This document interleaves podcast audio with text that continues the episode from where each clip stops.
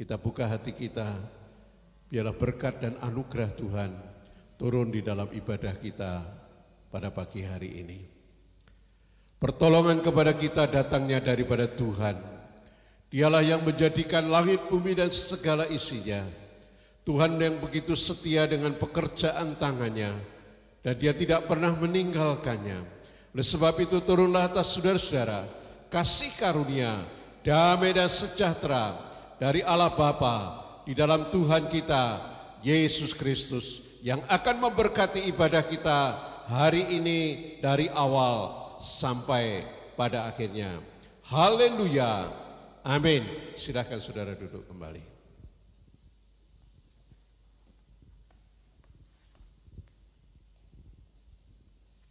Shalom, selamat pagi Bapak Ibu Saudara yang dikasih Tuhan. Senang sekali hari ini kita dipertemukan kembali bersama-sama kita bisa beribadah.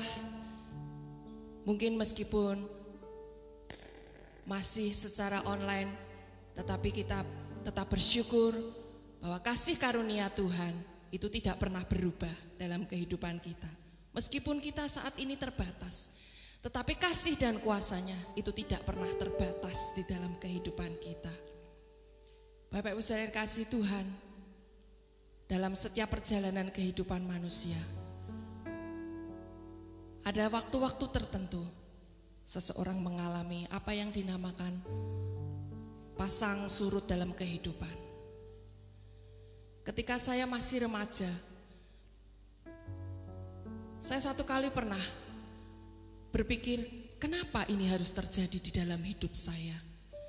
Kenapa dengan usia saya yang segini Tuhan izinkan terjadi di dalam kehidupan saya. Mungkin saat itu saya tidak menemukan jawabnya, tidak tahu. Tetapi puji Tuhan, Allah yang kita sembah, Yesus Kristus namanya, yang telah mati bagi kita, yang telah bangkit bagi kita, itu memberikan kekuatan kepada kita. Penyertaannya dari dulu sekarang bahkan sampai selama-lamanya tidak pernah berubah. Dialah Allah Immanuel. Dan saya ajak pagi hari ini kita bersama-sama datang kepada Tuhan. Kita menyerahkan seluruh hidup kita kepada Tuhan. Dia Allah Immanuel. Biarlah hidup kita boleh berkenan di hadapannya. Haleluya.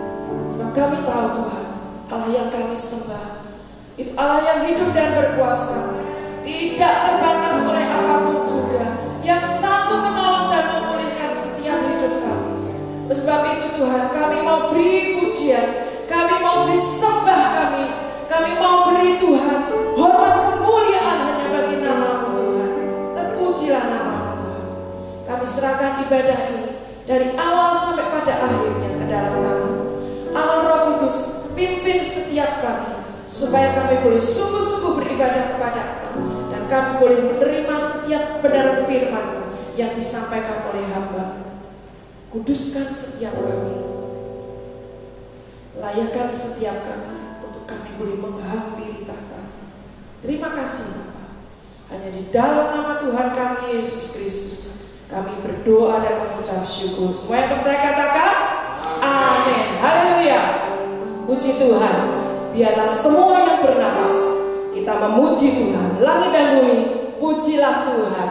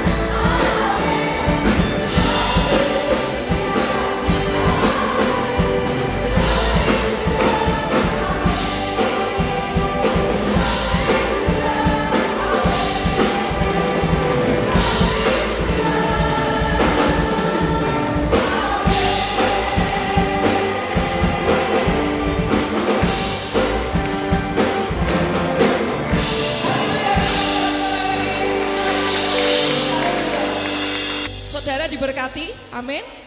Penuh dengan sukacita? Yes, karena sukacita itu datangnya dari Tuhan. Haleluya, kaulah sukacita.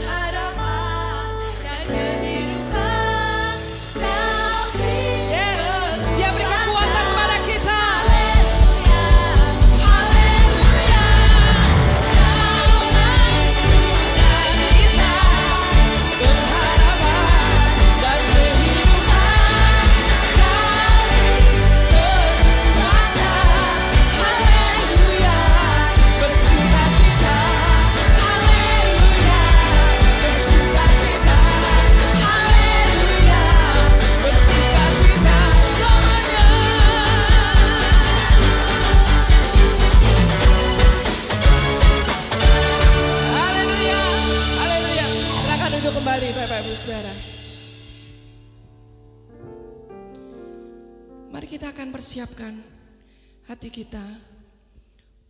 Sebentar kita akan menerima berkat firman Tuhan. Firman Tuhan yang menjadi pegangan dalam hidup kita. Biar hidup kita makin hari makin berkenan kepada Tuhan. Dan kita layak menjadi calon mempelai-mempelainya Tuhan. Amin kita boleh tetap hidup kudus sampai Tuhan datang kali yang kedua. Kaulah segalanya di dalam hidupku Tuhan. Satu-satunya yang kami sembah hanya Yesus Tuhan, Juru Selamat kami.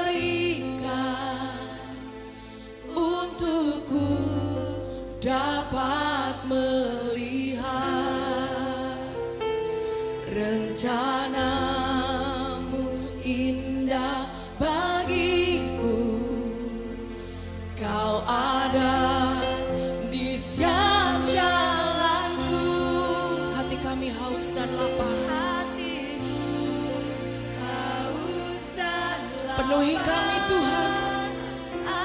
Penuhi kami dengan roh kudusmu. Sama-sama katakan.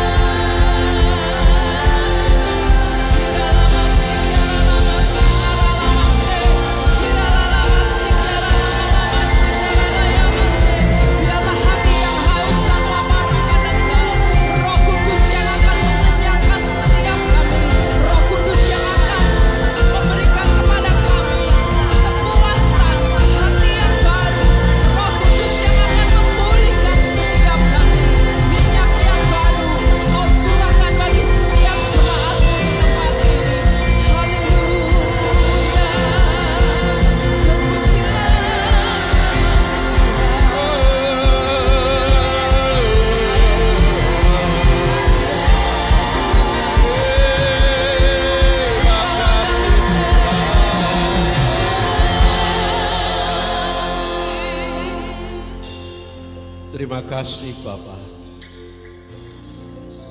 Engkau hadir bersama kami Amin sekalipun jemaatmu ada di rumah mereka masing-masing. Tapi biarlah lawatan Tuhan ada dalam hidup mereka. Amin Mereka membuka hatinya. Dan Roh Kudus bekerja di dalam hidup mereka. Sehingga mereka dikuatkan, mereka diteguhkan. Sehingga mereka menemukan kekuatan baru. Yes Tuhan beri hari ini roh dan hati yang baru. Supaya kami dapat melihat rancangan-rancangan Allah di dalam kehidupan kami. Kami tahu Tuhan Kau izinkan semuanya terjadi. Baik di dalam kehidupan kami, gereja-gereja Tuhan, maupun bagi bangsa dan kota kami. Tapi kami tahu Tuhan di balik semuanya itu ada rancangan Allah yang luar biasa. Dan kami tahu waktunya Tuhan akan datang untuk memulihkan, untuk memberikan damai sejahtera, untuk memberikan kekuatan, memberikan kesembuhan, pemulihan, dan berkat yang melimpah. Terima kasih Tuhan. Biarlah segala pujian, hormat, dan kemuliaan boleh kami persembahkan kepada Tuhan. Dan sebentar kami hendak membaca dan merenungkan kebenaran firman-Mu. Biarlah Allah Roh Kudus yang bekerja dan memberkati kami. Terima kasih ya Tuhan. Di dalam berkat nama Tuhan Yesus Kristus kami berdoa dan bersyukur. Haleluya. Amin. Shalom saudara sekalian yang dikasih dan diberkati Tuhan. Sekalipun saudara-saudara masih ada di rumah, Dan biarlah saudara pun hari ini boleh merasakan berkat dan kasih daripada Tuhan. Dan para pendengar, para pemirsa, bila saudara-saudara juga diberkati Tuhan. Baik pada pagi hari ini saya akan membacakan satu bagian kebenaran firman Tuhan yang tertulis di dalam kejadian pasal yang ke-18 ayat 10 sampai ayat yang ke-15 akan kita baca bersama-sama. Kejadian pasal yang ke-18 ayat 10 sampai ayat yang ke-15. Demikian firman Tuhan. Dan firmannya, sesungguhnya aku akan kembali tahun depan mendapatkan engkau. Pada waktu itulah Sarah istrimu akan mempunyai seorang anak laki-laki dan Sarah mendengarkan pada pintu kemah yang di belakangnya. Adapun Abraham dan Sarah telah tua dan lanjut umurnya dan Sarah telah mati haid. Jadi tertawalah Sarah dalam hatinya katanya, akan birahikah aku setelah aku sudah layu, sedangkan tuanku sudah tua. Lalu berfirmanlah Tuhan kepada Abraham, mengapakah Sarah tertawa dan berkata, sungguhkah aku akan melahirkan anak sedangkan aku telah tua? Adakah sesuatu apa pun yang mustahil untuk Tuhan? Pada waktu yang telah ditetapkan itu, tahun depan aku akan kembali mendapatkan engkau. Pada waktu itulah Sarah mempunyai seorang anak laki-laki. Ayat 15, lalu Sarah menyangkal katanya, aku tidak tertawa sebab ia takut, tetapi Tuhan berfirman, tidak, memang engkau tertawa. Saudara yang akan menjadi perenungan kita hari ini adalah ayat yang ke-14 yang berkata demikian, saya ulangi. Adakah sesuatu apa pun yang mustahil bagi Tuhan? Pada waktu yang telah ditetapkan itu tahun depan, aku akan kembali mendapatkan engkau.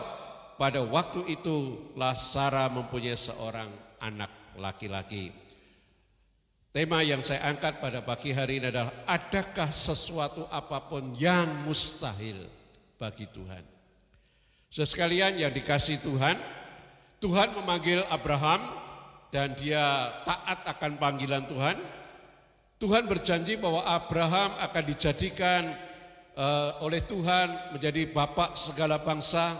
Dia akan memiliki keturunan dan keturunannya akan menjadi bangsa yang jumlahnya begitu besar, bahkan dikatakan seperti bintang di langit dan pasir di tepi laut. Begitu banyaknya jumlahnya. Pada waktu janji Tuhan dan panggilan Tuhan datang kepada Abraham, Abraham berusia 75 tahun. Nah dalam proses waktu tahun demi waktu, tahun demi tahun, ternyata Sarah tidak kunjung mengandung.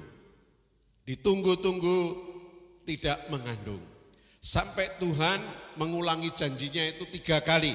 Ya kejadian pasal 15 ayat 1 sampai 6, lalu diulangi lagi yang kedua kejadian 17 ayat 1 sampai 8 dan kejadian 18 itu yang ketiga kalinya. Tuhan mengulangi lagi janjinya.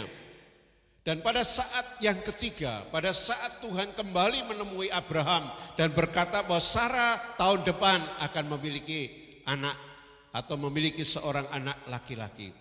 Saudara pada waktu itu kondisinya sudah sangat berbeda.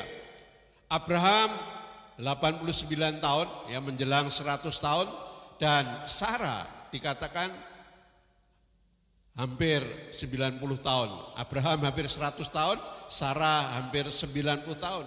Bahkan Alkitab berkata tadi sudah mati haid tidak mungkin akan punya anak ditunggu-tunggu, tidak kunjung hamil dan sudah tua. Oleh karena itu pada waktu yang ketiga, pada waktu Tuhan berkata kepada Abraham, Sarah sempat tertawa dalam hatinya. Mana mungkin? Mana bisa? Saya sudah tua. Suamiku juga sudah tua. Mungkinkah aku akan punya seorang anak? Nah saudara, pada saat Sarah tertawa dalam hati karena memang itu satu fakta yang dia alami sebagai manusia. Mungkinkah seorang nenek akan punya anak? Tetapi Tuhan berkata kepada Abraham, adakah sesuatu yang mustahil bagi Tuhan? Adakah sesuatu yang tidak mungkin untuk Tuhan lakukan? Sangat mungkin, sangat bisa. Nah saudara sekalian yang dikasih Tuhan kalau kita baca di dalam Roma pasal 8 ayat 14 dan seterusnya maka kita menemukan di sana bahwa Abraham tetap percaya. Abraham tetap yakin. Dia punya pengharapan. Dia punya iman bahwa apa yang dijanjikan Tuhan pasti akan digenapi. Apa yang Tuhan katakan pasti akan digenapi. Bagi Abraham, dia tidak lemah, dia tidak memandang bahwa janji Tuhan itu hanya janji, tapi Abraham sangat-sangat yakin. Roma 8, pasal 4 maksud saya begitu meyakinkan bahwa Tuhan berbicara kepada Abraham dan Abraham sangat yakin, sangat percaya akan janji daripada Tuhan. Oleh karena itu pada pagi hari ini kita akan merenungkan satu kalimat yang Tuhan katakan, adakah sesuatu yang mustahil bagi Tuhan? Nah kenapa Tuhan berkata seperti itu? Kenapa Tuhan berkata kepada Abraham, Abraham, bagiku tidak ada yang sukar, bagiku tidak ada yang mustahil. Nah mengapa Tuhan berkata demikian? Alasannya adalah yang pertama, karena dia atau Tuhan adalah Allah yang hidup. Kalau Tuhan berkata, adakah sesuatu apa pun yang mustahil bagiku? Itu alasan yang pertama adalah karena Tuhan adalah Allah yang hidup. Dia bukan Allah yang mati. Yeremia pasal yang ke-10 ayat 10 katakan, Tuhan adalah benar. Dia Allah yang hidup dan Raja yang kekal. Tetapi Tuhan adalah Allah yang benar. Dialah Allah yang hidup dan Raja yang kekal. Jadi bagi Tuhan tidak ada yang mustahil. Pasti bisa dia lakukan karena dia Allah yang hidup bukan Allah yang mati. Kalau saudara baca di dalam Mazmur 115 ayat yang ketiga, firman Tuhan katakan Allah kita di sorga, ia melakukan apa yang dikehendakinya. Allah kita di sorga akan melakukan apa yang dia kehendaki, apa yang dia mau, apa yang dia janjikan. Nah kalau saudara baca di ayat berikutnya, ada satu perbandingan antara Allah yang hidup dengan berhala-berhala yang mati. Berhala-berhala yang dibuat oleh manusia. Sekalipun bentuknya seperti manusia, punya mata, punya telinga, punya mulut, punya tangan, punya kaki. Tapi berhala-berhala itu tidak bisa melakukan apa-apa. Tuhan membandingkan antara dirinya sebagai Allah yang hidup, Allah yang bisa melakukan segala perkara dengan ilah-ilah atau berhala-berhala yang tidak bisa berbuat apa-apa. Dia Allah yang hidup, Allah yang mampu, Allah yang sanggup. Oleh karena itu, tidak ada yang mustahil bagi Tuhan. Dia dapat lakukan apa pun itu. Yang kedua, alasannya adalah Tuhan adalah Allah yang maha kuasa. Kejadian pasal 17 ayat 1 dikatakan, Akulah Allah yang maha kuasa. Saudara, kata ini terkenal dari, dari bahasa aslinya adalah El Shaddai. Akulah Allah yang maha kuasa. El Allah sanggup, Allah bisa, Allah mampu melakukan segala perkara sekalipun hukum alam berkata tidak. Sekalipun manusia berkata tidak, tapi Tuhan bisa lakukan. Sarah 89 tahun, hampir 90 tahun, sudah mati haid. Secara medis tidak mungkin punya anak. Abraham 99 tahun, hampir 100 tahun. Sudah tua. Tapi Tuhan berkata, akulah El Shaddai. Allah yang maha kuasa yang bisa mengubah dari yang tidak mungkin menjadi mungkin. Dan itulah yang dikatakan Allah kepada Abraham. Kalau kita lihat di dalam Yesaya pasal 9 ayat 5, Allah disebut sebagai El Gibor, Allah yang perkasa. Lalu di dalam ulangan pasal 10 ayat 17 sebagian ayat berkata, sebab Tuhan Allah mula, Allah segala ilah, Tuhan segala Tuhan, Allah yang besar, Allah yang kuat dan Allah yang dahsyat.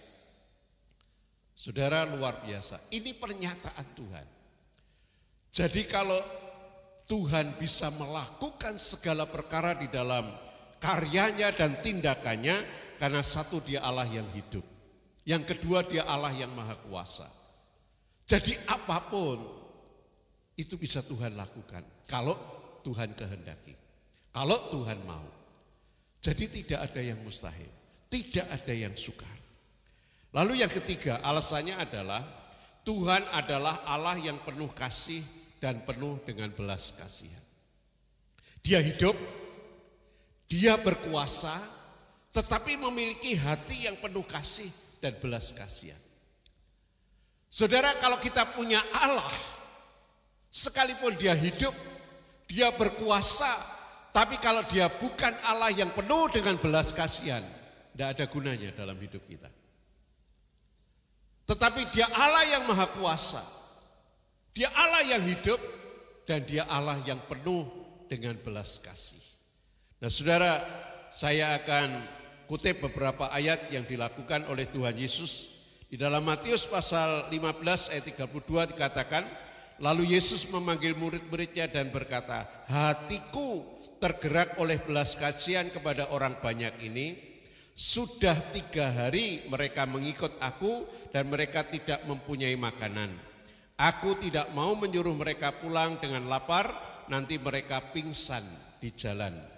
Lalu pasal 14 ayat 14 bagian B, maka tergeraklah hatinya oleh belas kasihan kepada mereka dan Tuhan menyembuhkan mereka yang sakit. Matius 9 ayat 36 katakan, melihat orang banyak itu tergeraklah hati Yesus oleh belas kasihan kepada mereka karena mereka lelah dan terlantar seperti domba yang tak bergembala.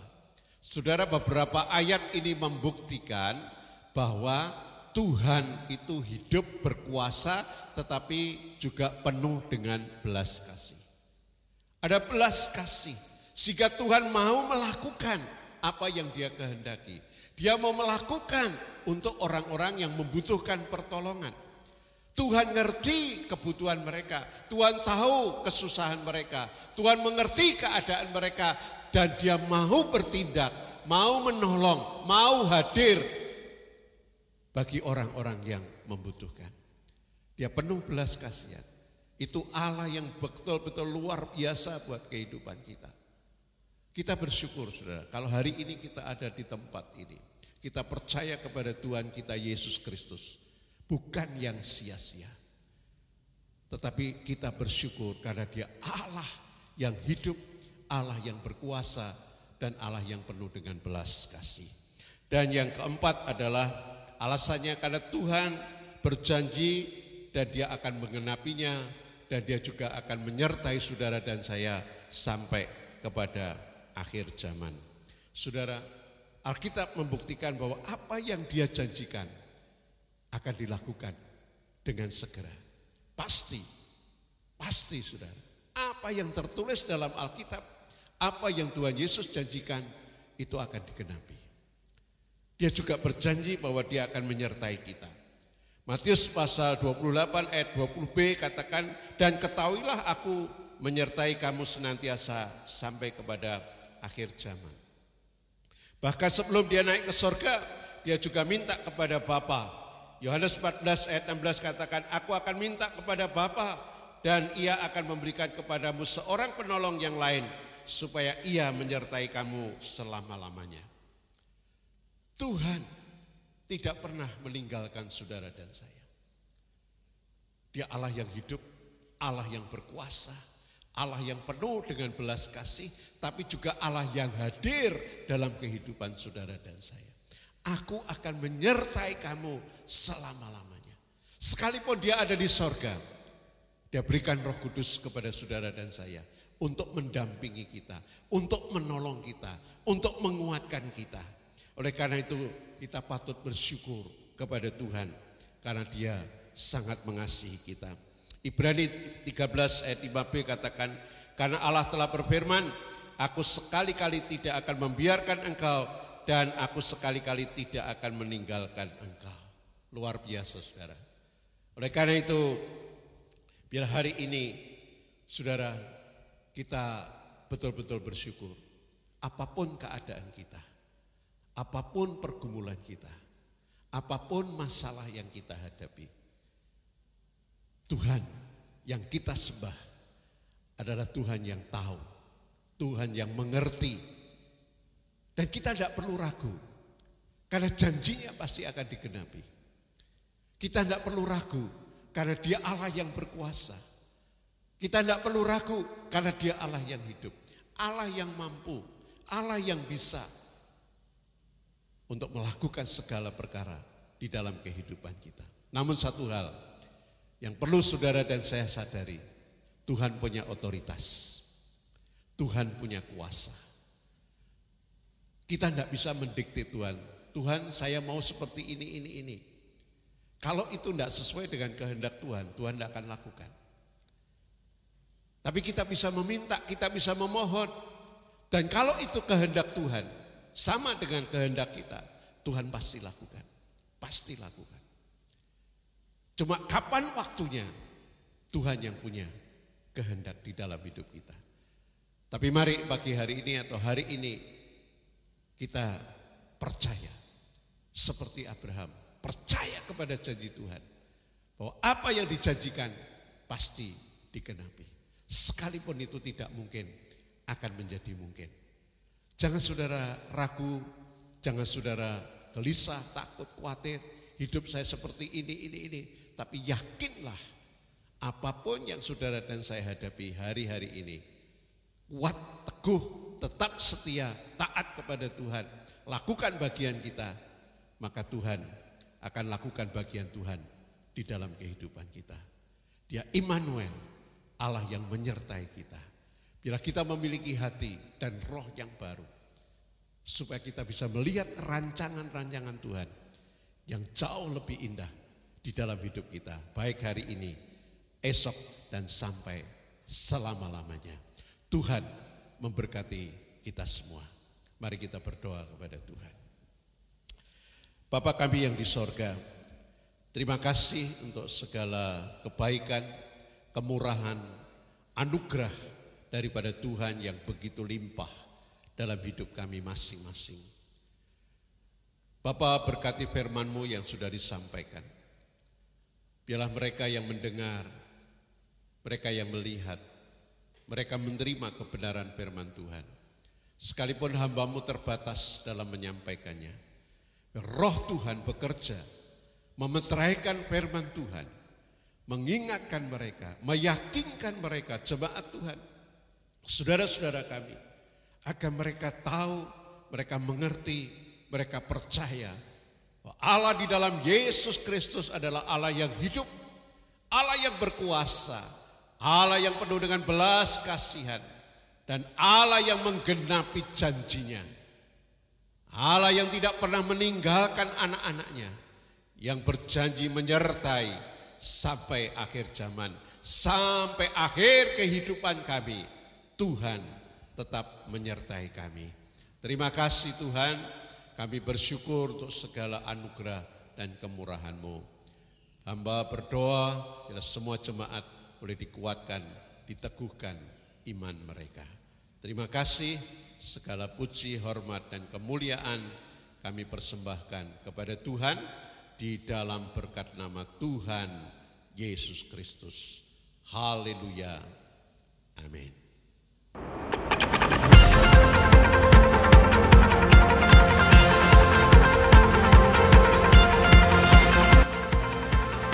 Sekalian yang dikasih Tuhan pada kesempatan hari ini saya akan menyampaikan beberapa warta biarlah warta ini boleh menjadi satu bagian yang kita ingat untuk kita melaksanakan kehidupan kita dan juga ibadah kita kepada Tuhan. Yang pertama adalah jemaat yang berulang tahun dari tanggal 22 sampai 28 Juni Yang pertama adalah Ibu Ratna Yuneta, yaitu tanggal 24 Juni. Lalu Ibu Ratna Ningsih Raharja, 25 Juni. Lalu Ibu Priskila Lydia, tanggal 25 Juni. Bapak Dedi Hermanto, tanggal 25 Juni. Dan Saudari Grace, tanggal 28 Juni. Kami mengucapkan selamat dan bahagia dan Tuhan Yesus memberkati. Lalu yang kedua, minggu depan masih diberlakukan ibadah online. Oleh karena itu jemaat dimohon tetap bisa mengikuti di rumah masing-masing dengan mempersiapkan segala sesuatunya dengan baik sekalipun lewat online ialah ibadah boleh dilakukan dengan khidmat dan kita bisa diberkati Tuhan. Dan sekaligus juga saya umumkan bahwa ibadah tanggal 5 Juli masih ibadah online dan juga akan disertai dengan perjamuan kudus. Oleh sebab itu bagi jemaat bisa mempersiapkan diri masing-masing dan seperti biasa karena belum normal maka roti dan air anggur akan dibagikan dan jemaat juga bisa mengambil di kantor atau di gereja pada jam-jam tertentu. Terima kasih untuk perhatian Bapak Ibu dan saudara sekalian. Lalu yang ketiga, kepada jemaat disampaikan bahwa ibadah normal, yaitu ibadah di gereja, akan dimulai pada hari Minggu tanggal 12 Juli dengan catatan sebagai berikut. Ya, ibadah resmi, ibadah normal di gereja Isa Masih Jemaat Tanah Mas akan dimulai tanggal 12 Juli tapi dengan catatan sebagai berikut. Yang pertama, waktu ibadah. Ibadah pertama akan dilakukan pada pukul 7 sampai pukul 8 pagi. Ibadah pertama akan dilakukan pukul 7 sampai pukul 8 pagi. Ibadah yang kedua akan dilakukan pukul 9 sampai pukul 10 pagi. Ibadah kedua akan dilakukan pukul 9 sampai pukul 10 pagi.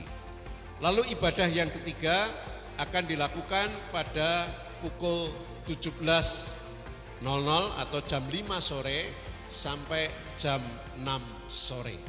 Ya, yang ketiga ibadah akan dimulai jam 5 sore sampai jam 6 sore mengingat tempat kita terbatas jumlahnya yang mengikuti ibadah secara resmi.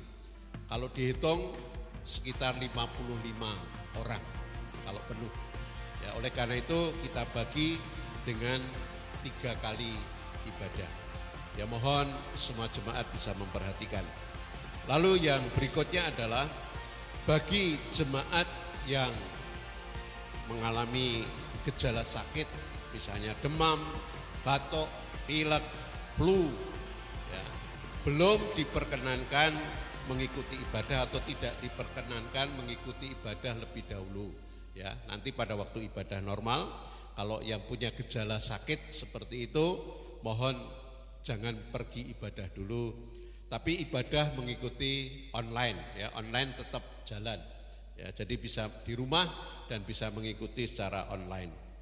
Lalu yang berikutnya adalah eh, jemaat yang sudah lanjut usia dan anak-anak memang belum diperkenankan mengikuti ibadah ya seperti biasanya. Ya, jadi dimohon pengertiannya yang sudah lanjut usia dan anak-anak belum diperkenankan. Lalu yang berikutnya waktu ibadah normal Jemaat dapat memberikan persembahan dengan cara mengambil amplop yang sudah disediakan di bangku atau di meja yang sudah disiapkan. Nah, setelah jemaat mengisi, pada saat pulang, jemaat bisa memasukkan amplop persembahan itu di kotak yang sudah disediakan, yang ada di depan. Nah, selama masih ibadah online, jemaat bisa transfer persembahannya ke rekening BCA gereja atas nama Sri Uni dan Haryanti dengan nomor rekening 009 130 1007. Kalau mau tunai, waktu masih online, ya jemaat bisa datang ke kantor atau ke gereja pada jam-jam kantor. Terima kasih untuk perhatian Bapak Ibu dan saudara sekalian dan Tuhan memberkati. Lalu yang terakhir, jemaat yang akan mengikuti ibadah normal, mohon bisa mengikuti protokol kesehatan yang ditetapkan oleh pemerintah sebagai berikut. Langkah-langkah mengikuti protokol ibadah new normal. Satu, jemaat ke gereja dengan mengenakan masker. Kedua, jemaat mencuci tangan di tempat yang sudah disediakan.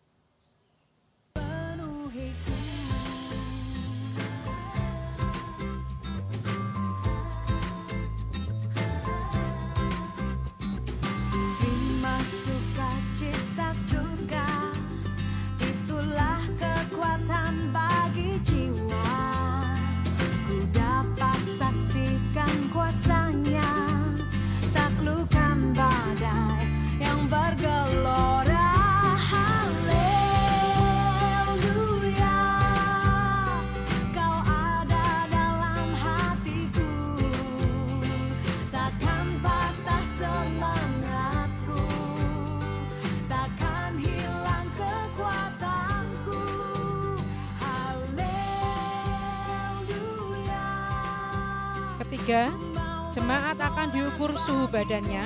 Apabila suhu tubuh sesudah dicek dua kali dengan jeda waktu 5 menit, menunjukkan 37,5 derajat Celcius, maka jemaat tidak diperkenankan untuk mengikuti ibadah. Keempat, Asyir akan mengarahkan jemaat ke tempat duduk yang sudah disediakan. Amplop persembahan sudah disediakan di tempat duduk maupun di depan, di meja, Jemaat bisa mengambil amplop persembahan dan amplop persembahan bisa diberikan pada waktu jemaat pulang di tempat yang sudah disediakan.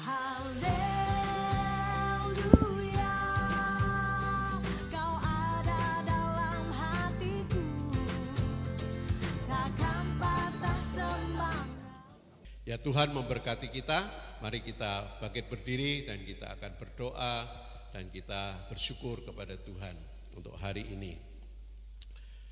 Bapa kami yang ada di dalam sorga, terima kasih untuk segala kebaikan dan kemurahan Tuhan. Pada pagi hari ini kami akan berdoa bagi saudara-saudara kami yang berulang tahun dari tanggal 22 sampai 28 Juni. Kami berdoa untuk Ibu Ratna Yuneta, Ibu Ratna Ningsih Raharja, Ibu Priskila Lydia, Ibu Bapak Dedi Hermanto, dan Saudari Grace. Tuhan kiranya memberkati, menolong mereka di dalam kehidupannya, menyertai tiap langkahnya. Tuhan biarlah Engkau sendiri yang hadir di dalam pribadi mereka, bersama keluarga, juga dalam pekerjaan, dalam rumah tangga, dalam studi, dalam segala hal. Tuhan memberkati mereka. Terima kasih Tuhan. Kami bersyukur karena Tuhan memberi kesempatan kepada kami beberapa waktu ini untuk ibadah online Biarlah melalui ibadah online ini juga jemaat boleh diberkati, dikuatkan dan diteguhkan iman mereka. Sekalipun terbatas, tapi kami percaya Tuhan sanggup melakukan segala perkara yang luar biasa. Terima kasih Tuhan, kami juga berdoa untuk persiapan ibadah normal nanti. Kiranya Tuhan juga memberkati jemaatmu boleh kembali beribadah dengan setia, dengan sungguh-sungguh kepada Tuhan. Bapak terima kasih kami mengucap syukur untuk segala hal yang Tuhan anuniakan di dalam kehidupan semua jemaat. Bapak biarlah protokol kesehatan, aturan-aturan yang harus kami lakukan, biarlah semuanya boleh berjalan dengan lancar, berjalan dengan baik. Hamba tetap berdoa biar seluruh jemaat tetap diberkati dengan kesehatan mereka, dengan kekuatan yang datang daripada Tuhan. Mereka juga tetap diberkati dalam rumah tangganya, dalam pekerjaannya, dalam kehidupan mereka hari lepas hari. Bahkan apa pun yang menjadi pergumulan mereka, Tuhan tetap menolong dan memberkati.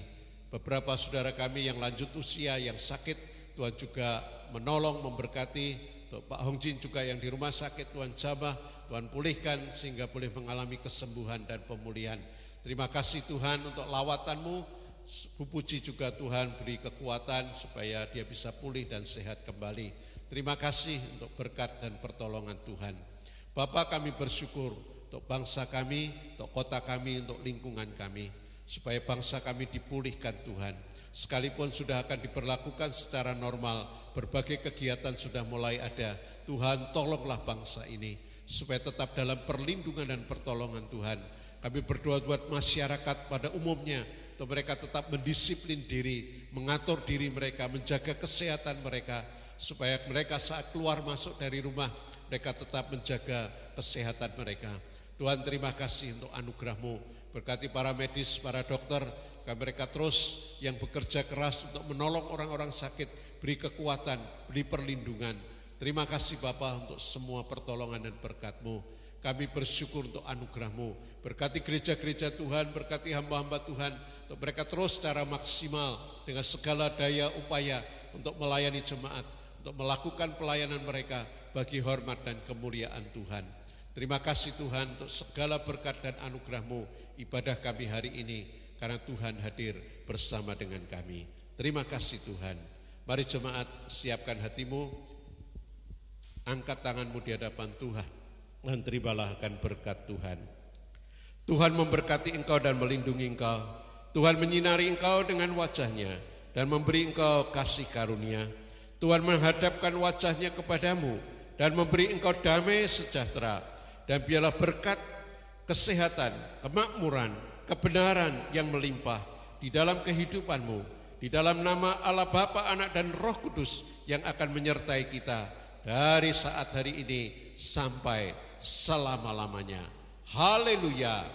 Amin.